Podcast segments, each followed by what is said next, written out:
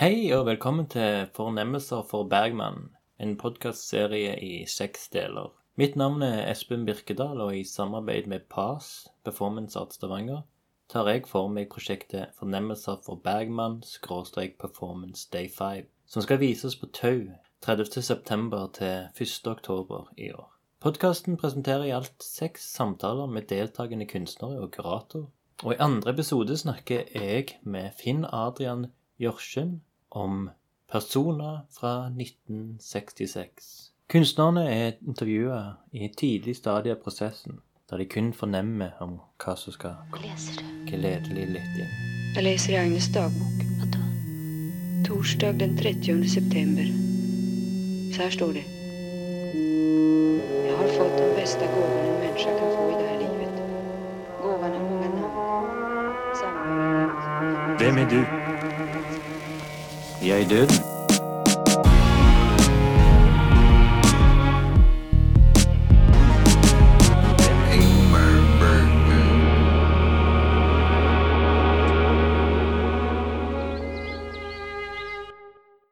Har du funnet en synopsis eller noe sånn, en eh, beskrivelse av filmen, en liten Hvordan ville du forklart hva det handler om, eller solgt den til folk? Eh, sykepleier tar vare på syk skuespiller som er stum, reiser sammen til øde øy. Sykepleier utleverer seg selv til skuespiller som er, fortsatt er stum. Identiteten deres smelter sammen, et brev blir lest, ingenting blir som før. Dårlig stemning på øya. Perfekt. Det er faktisk den beste synopsisen. Jeg, har, eh, jeg kunne ikke blitt bedre. Det høres jo ut som en bra film. gjør det? Ja. Det är aldrig någon som har brytt sig om å lyssna på mig. Som du gör nu. Jag menar, du lyssnar ju på mig. Jag tror att du är den första människan som har lyssnat på mig.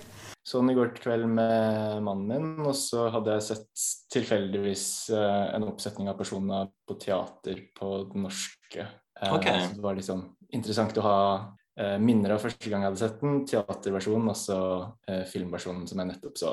Og hadde du noe forhold til Bergman-filmer før du så dette? Um, jeg tror egentlig 'Persona' var den første filmen jeg hadde sett, men eh, jeg har også sett 'Vargtiman', er det den heter? Ja. Eh, det er på en måte de to filmene jeg har eh, forhold til, sånn sett. Når du har sett disse filmene, hva tenker du? liksom, Eller har du lyst til å se mer av eh, regissøren? Eller er det sånn OK, nå Det holder. Det var litt interessant, for inni hodet mitt så er personen lagret som en litt sånn rolig film.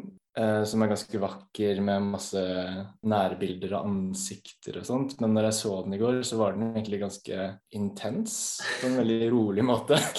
eh, det er et eller annet med all den der hurtig, eller sånn veldig brå klippingen og eh, den veldig rare stemningen og alle de montasjeklippene eh, som eh, skal framheve at vi driver og ser på en film hele tiden. Som jeg syns var litt, nesten litt sånn ubehagelig å se på. Eh, Men jeg, jeg er veldig fascinert over Bergman sitt virke. og Jeg har sett litt intervjuer om eh, han snakker om eh, personer og sånt. Ja. Forholdet hans med de to skuespillerne i denne filmen var også interessant. Mm. I intervjuet så nevnte han i hvert fall at uh, han ville gå inn i prosessen uten å vite så mye og lære ganske mye fra mm, de to hovedrollene og deres tolkninger av uh, karakterene. I hvert fall uh, det ene klippet jeg så. Mm. Han har sikkert blitt intervjua flere ganger gjennom liksom sin levetid etter han lagd filmen. Og hver gang så sier han jo noe forskjellig. Et klipp så sier han liksom ja, han, han så Liv og Bibbi og syntes de ligna på hverandre. Og da kom ideen om personer. Mm. Og så er det en annen at han er liksom kjempesyk og ligger på nesten nær døden og har liksom masse angst og vil bare gjøre noe helt annet enn han noen gang har gjort. Og derfor kommer personer. Og så har han òg en der han, eh, han har en idé om to som sammenligner hendene sine. Og det er liksom det han forteller til filmprodusenter. At ok, jeg vil lage en film der to kvinner sammenligner hendene. alt han har skrevet om seg sjøl, alt mulig, det er, alt er bare umulig å vite om det er sant eller ei. Litt som hele filmen i seg selv. Ja, eksakt. Ja. Men hvordan var eh, teateroppsettet? Det var midt i dypeste pandemi. Jeg tror under 50 tilskuere med pleksiglassvegg mellom oss og, og sånt. Den var ikke like intens. Det var litt som en snillere versjon av Bergman-filmen. Men eh, likevel en sånn intimitet mellom eh, de to eh, hovedkarakterene. Den var ikke like ubehagelig eh, som filmen. Og det var kanskje med vilje. Jeg vet ikke, og det var alt på nynorsk. Så Ok. Hva du syns var mest ubehagelig da, med filmen? Det er et eller annet med tempoet og hvordan ting gikk fremover som gjør at jeg fikk en sånn usikker følelse av hva som skjedde, eller eh, hvor vi var hen, eller hva jeg drev og så på. Så jeg var jo egentlig forvirret og fascinert og syntes at det var veldig mange vakre scener og eh, veldig mange fine gardiner og Ja. Hva måte så du filmen på? Altså Var det på en storskjerm, liten, på dataen? Jeg hadde på ulovlig vis lastet den ned og eh, vist den på min egen TV hjemme okay. Mens jeg satt og spiste middag. Å ja. Altså, Jeg vet ikke når du spiser middag, men var det Å ja, jeg spiser ganske seint middag. Sånn, Ok. uh, Men da så man faktisk blikk, for jeg òg så han i går igjen, da. eh, For tredje Mm. gang med klokka åtte. Så vi satt synkront og så personer. parallelt. Ja, parallelt hver sin del av landet. Og du er i Oslo nå? Uh, ja, akkurat nå så er jeg på studioet mitt Prinsen atelierfellesskap, som ligger i Storgata. Hvis vi drar det litt tilbake til personer, så foregår ganske mye på en sånn øde øy. Mm. Kunne du eh, tenkt deg å dratt på en residency på, og, og jobbet helt for deg sjøl, helt til du tror at det er liksom, du er to personer? Ja, det høres litt ut som et mareritt, men også litt deilig ut, på en måte. Kanskje hvis det ikke var noe internett der, eller eh, ikke noe forbindelse til, eh, til fastlandet, så kanskje. Jag kände som jag aldrig har känt i hela mitt liv hur han sprutade sed in i mig. Han höll mig om axlarna och böjde sig bakåt. Man kom gång på gång. Første gang jeg hørte om personen, så var jeg en sånn rar eh, kunsthistorietime, og så var det en lærer som hadde skudd på Slavoj Zizek sin film eh, 'Pervert's Guide to Cinema'. Og så har han en liten del i den filmen hvor han omtaler personer som den mest erotiske filmen noensinne laget i europeisk eh, filmhistorie. Og jeg bare ah, det er et statement. Så det på en måte er litt brent inn, da, at eh, Slavoj Zizek eh, snusser litt og, og, si, og si, uttaler det. da. Mm. Og det, det er vel den uh, utleveringen til hun sykepleieren da, som er det Ja, erotiske. strandscenarioet. Mm. Ikke for å spolere noe til folk som det er en scene der hun bare forteller til skuespilleren som er stum, at hun har hatt gruppesex, kort fortalt, egentlig. Ikke sånn kjempevulgær måte hun sier det på, hun er jo ganske sånn finslig i, i, i språket. Men det Bergman da hadde sagt til hun Liv Ullmann, hvordan hun skulle spille, det var bare konsentrer deg om eh, leppene. Prøv å de, få de mer og mer fuktige. Så hun skal liksom sitte der og bare lytte, men konsentrere seg, tenke på leppene skal bli fuktige. Eh, I etterkant så drev jeg og tenkte litt på hvordan det må ha vært å spille den rollen hvor man ikke sier noen ting, men bare er et fjes. Mm. Ja, det må ha vært intenst. Ja. Det som er litt løye, at det er jo Liv Inland Hun er kanskje god i svensk nå, men på den tida så var hun kjempedårlig i svensk. Og hvis du liksom ser andre filmer, Bergman-filmer der hun er med, så er, du hører jo veldig tydelig at dette er det som kalles svorsk. Faen! Liksom, faen. Altså, det er sånn Noen veldig spesifikke ord som hun har skjønt at det svenske ikke forstår, som hun har gjort om til Bare sier det svenske ordet istedenfor, og så er alt annet ganske norsk. Ja, ja, ja. Og det er jo ett, ett ord eh, hun sier i filmen. Det er jo ikke en spoiler da, for, for de som ikke har sett den. Eh, Husker du hva det var? Nei, eh, jeg husker faktisk ikke at hun sier noen ting. Altså, ting er at Jeg husker ikke helt sjøl. Hun sier bare ett ord, og det, det er ganske nærme slutten. Hun sykepleieren snakker usammenhengende, og hun Liv Ullmann, altså skuespilleren, tar og suger blod ut av armen. Etter der kommer det plutselig en helt annen eh, scene. da. Scenen er veldig oppå hverandre, og det er jo kanskje litt poenget. Men, men da i hvert fall så tvinger eh, sykepleieren hun skuespilleren til å si 'unnskyld', tror jeg. Og da sier hun sånn svakt 'unnskyld'. Veldig norsk. Men jeg er ikke 100% sikker, men det, jeg føler det. Selv om jeg svarer godt. Morsomt hvis hun skal spille en uh, veldig kjent svensk skuespillerinne, og så sier hun 'unnskyld'. For du måtte jo se på denne filmen med en sånn, sånn annet blikk enn en vanlig filmseer. Siden det skal et eller annet med den skal bli en eh, performance du skal ha. Hvordan, Eh, hvordan, ja. hvordan er det, liksom? Jeg har funnet ut at jeg tenker veldig mye bedre når jeg har en blokk og, og blyant eh, Mm. ved siden av meg. Så jeg drev og skriblet og tegnet eh, små posisjoner og små detaljer som jeg så i løpet av filmen. Jeg, jeg tror øynene mine var litt sånn i analysemodus og bare prøve å få inn så mye som mulig. Og ting jeg observerte i løpet av filmen, var f.eks. kjempefine langdryge overganger med, hvor lyset bare dimmes, og så ser man bare øynene til eh, det Liv Ullmann? Sikkert. Eller hun han, Bibi yeah. Andersen?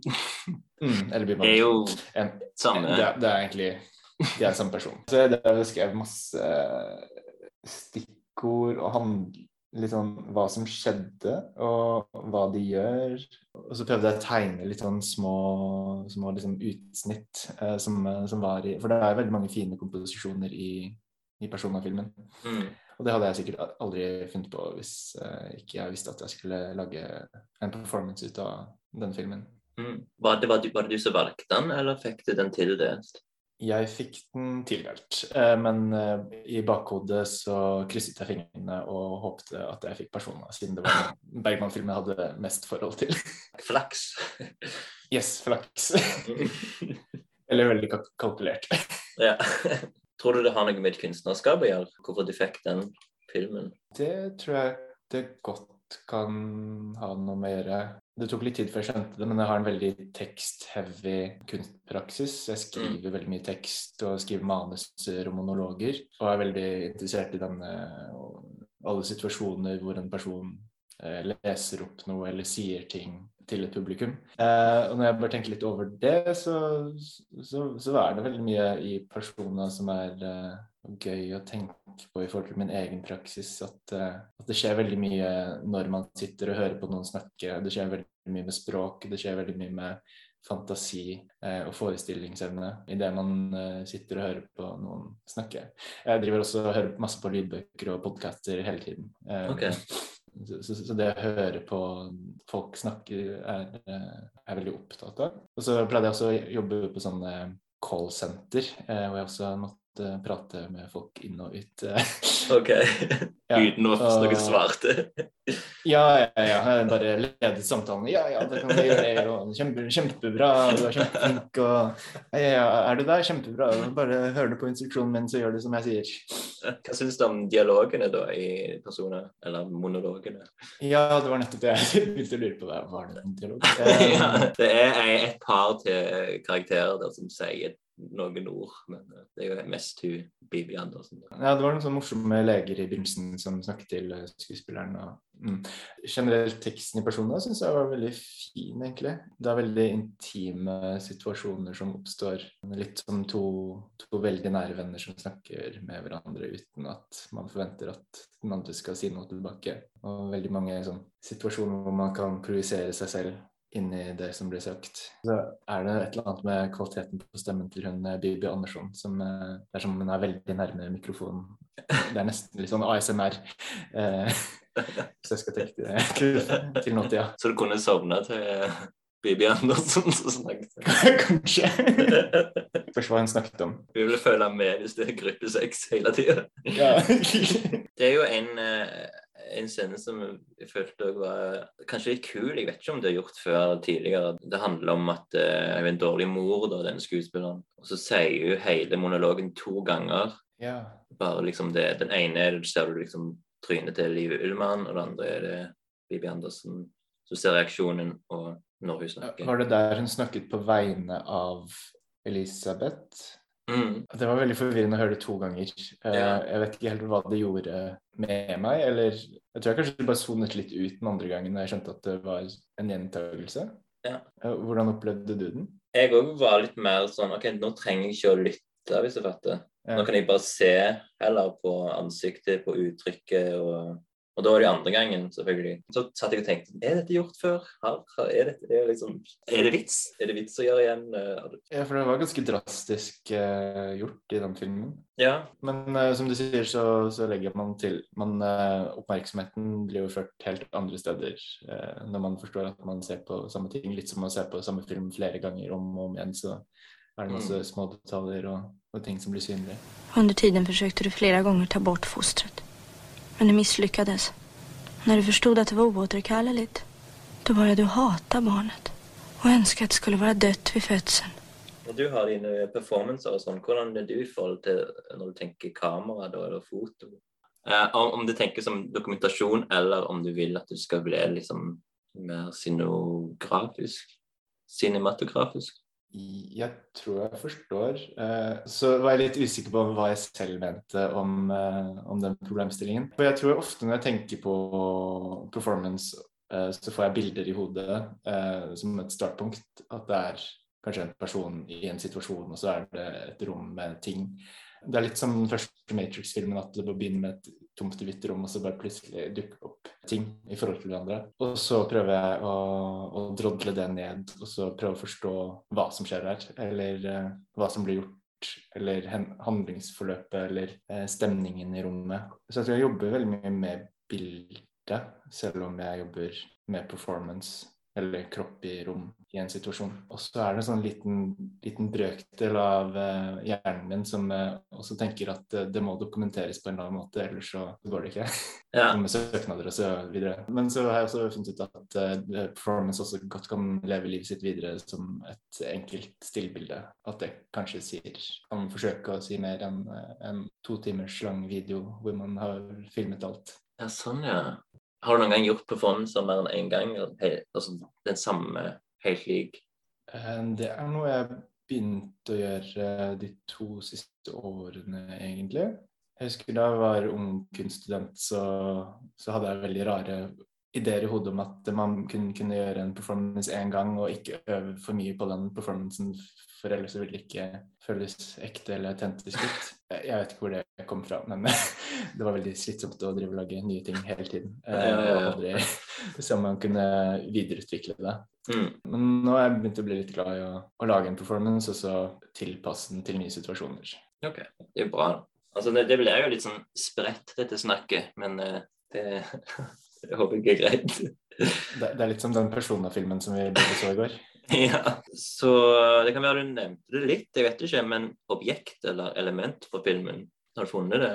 Ja, jeg tror objektet jeg har valgt fra den filmen, er egentlig soverommet. Ja. Eller senga, kanskje spesifikt. Ja. Jeg tror jeg har tenkt på seng i flere år nå, at jeg har hatt lyst til å jobbe med seng eh, eller eh, soverom. Eh, og hva slags type kvaliteter som ligger bakt inn i det. Det var f.eks. en scene hvor de begge satt i sengen og så pratet eller kanskje bare én av de satt i sengen og pratet, men det var så utrolig fine posisjoner med dyne, og, og det ble veldig skulpturelt på en, eh, på en rar måte. Ja, for det er jo to eller tre senger, men sykesengene, er det den vi tenker på? Eller er det den i selve huset, den litt På øya, På øya, ja. det, For der òg er det mest sånn de der gardinene du òg nevnte rundt, og du ser skikkelsen til Liv Ullmann i bakgrunnen og av og til Det er veldig mye sånn gjennomsiktige materialer i den filmen, hvis jeg tenker meg litt om. ja. OK, men det er bra. Seng eller eventuelt rom. Du trenger jo ikke bestemme deg helt ennå, men det er jo god, Ja. bra utgangspunkt. Ja, jeg tror jeg har vært litt opptatt av myke ting i det siste, spesielt etter pandemien. eh, Og at man kanskje har vært litt mye på soverommet. Oh, ja. Som oppholdsrom og arbeidsrom og eh, hjemmekontor og ja. Eh, fritidsareal. Har du seng på kontoret? Nei, men det er noe jeg eh, tenkte å skaffe meg, for jeg er litt eh, glad i å ta sånn korte powernaps iblant. Ja, men sånn ellers, hva forhold har du til senger, seng, utenom det helt avviser da, kanskje, eller? At man sover på den. Og har helt ville drømmer og debriefer alt som skjedde i løpet av eh, dagen. Men jeg tror jeg kanskje jeg tenker litt mer på seng i våken tilstand. Det, det er et veldig intimt rom. Det, det er kanskje ikke så mange i livet ditt som får se senga di, eh, Ja. nødvendigvis. Mm. Kanskje de samtalene man har på senga, er kanskje noen av de mest private man kan ha. Det, Ja. Jeg tenker i hvert fall på senga som det motsatte av et offentlig rom. Ja, sånn, ja. Enten det er uh, med en samboer eller, uh, eller om det er uh, sånn historieopplesning når man er barn med foreldre. Så er det et eller annet sånn interessant med, med seng som rom, tenker jeg. Mm.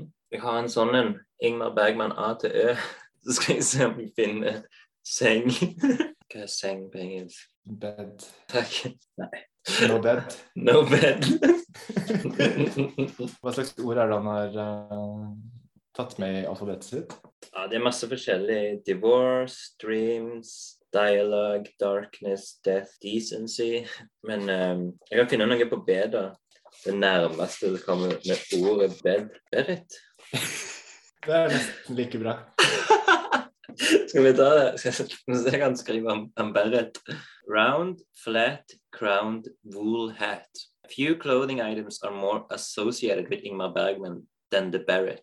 Bergman made the beret into an almost emoji-like symbol of creativity and artistry. He started wearing this trademark beret in the 1940s, dropping in it entirely in his later years. Uh, his film A Ship Bound from India from 1947 features a cameo of Bergman wearing a beret at a fun fair. Kult. Har du noe forhold til beret? Jeg tror moren min var i Paris en gang, og så fikk jeg en eh, ullberet som gave.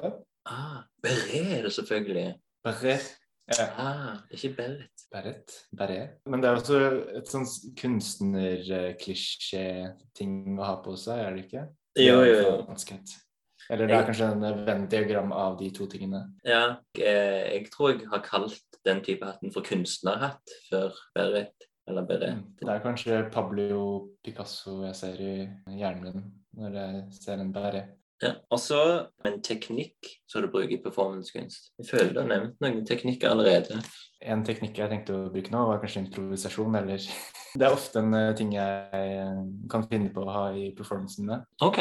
Da jeg var litt ny til performance, så da var jeg ganske litt hard med improvisasjonen. At, eh, at jeg bestemte med meg selv at jeg skulle møte opp på en plass, si to setninger, og så skulle jeg improvisere resten av performancen. Eh, Ok. det, er et sånt eksempel på tidlig Finn-performance.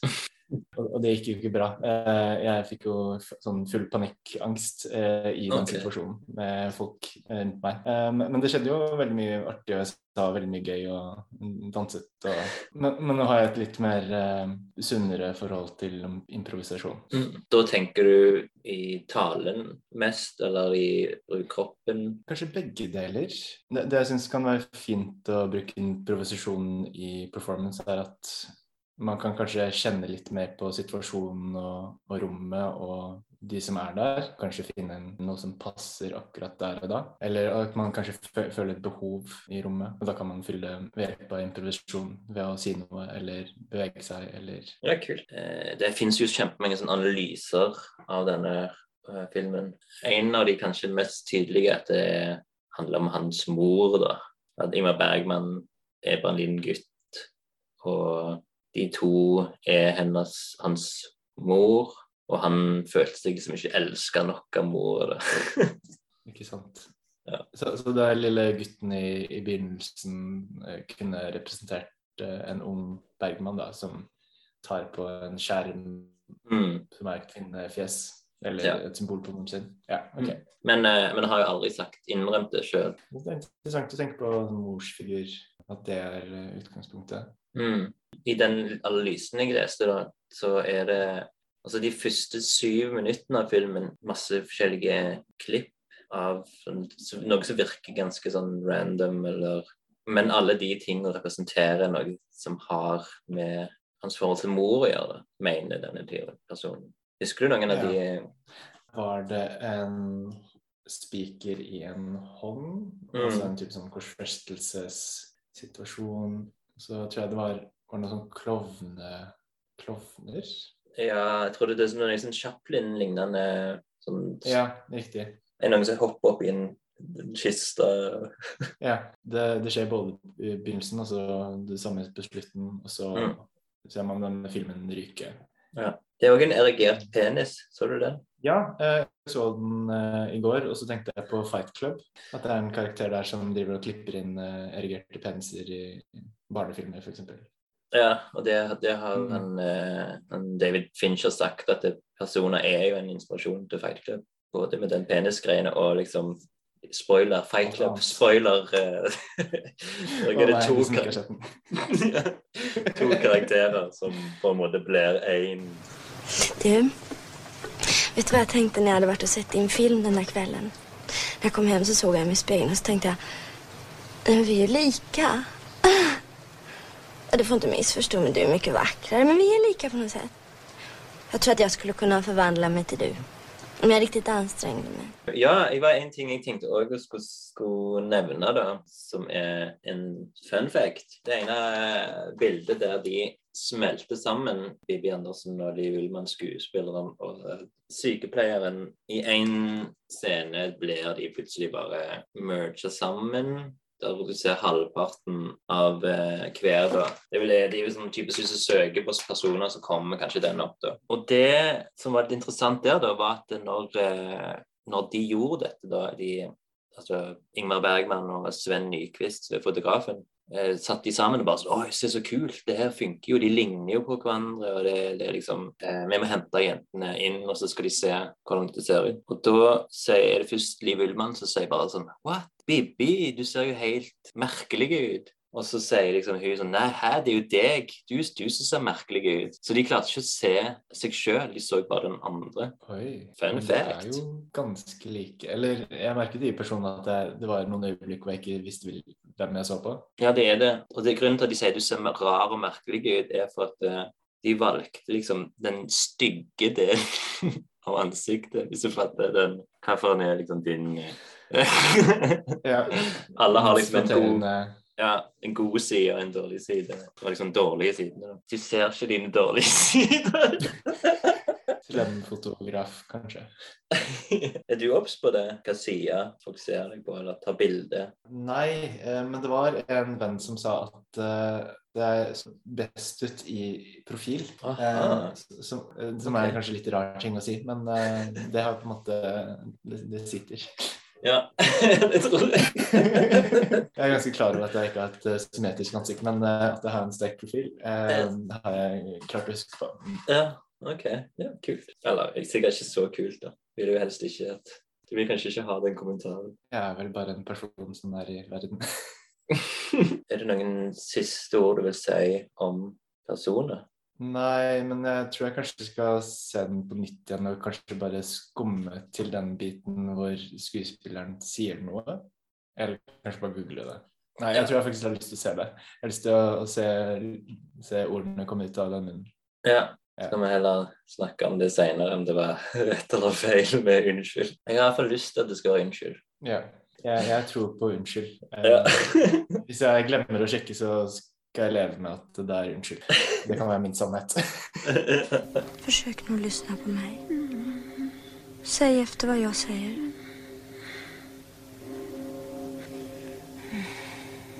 Ingenting.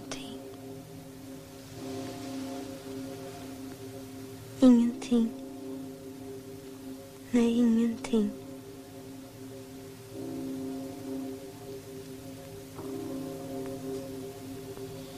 Ingenting. Så, ja. Så du skal se mer filmen, for nå, nå skal du jobbe mot performancen din?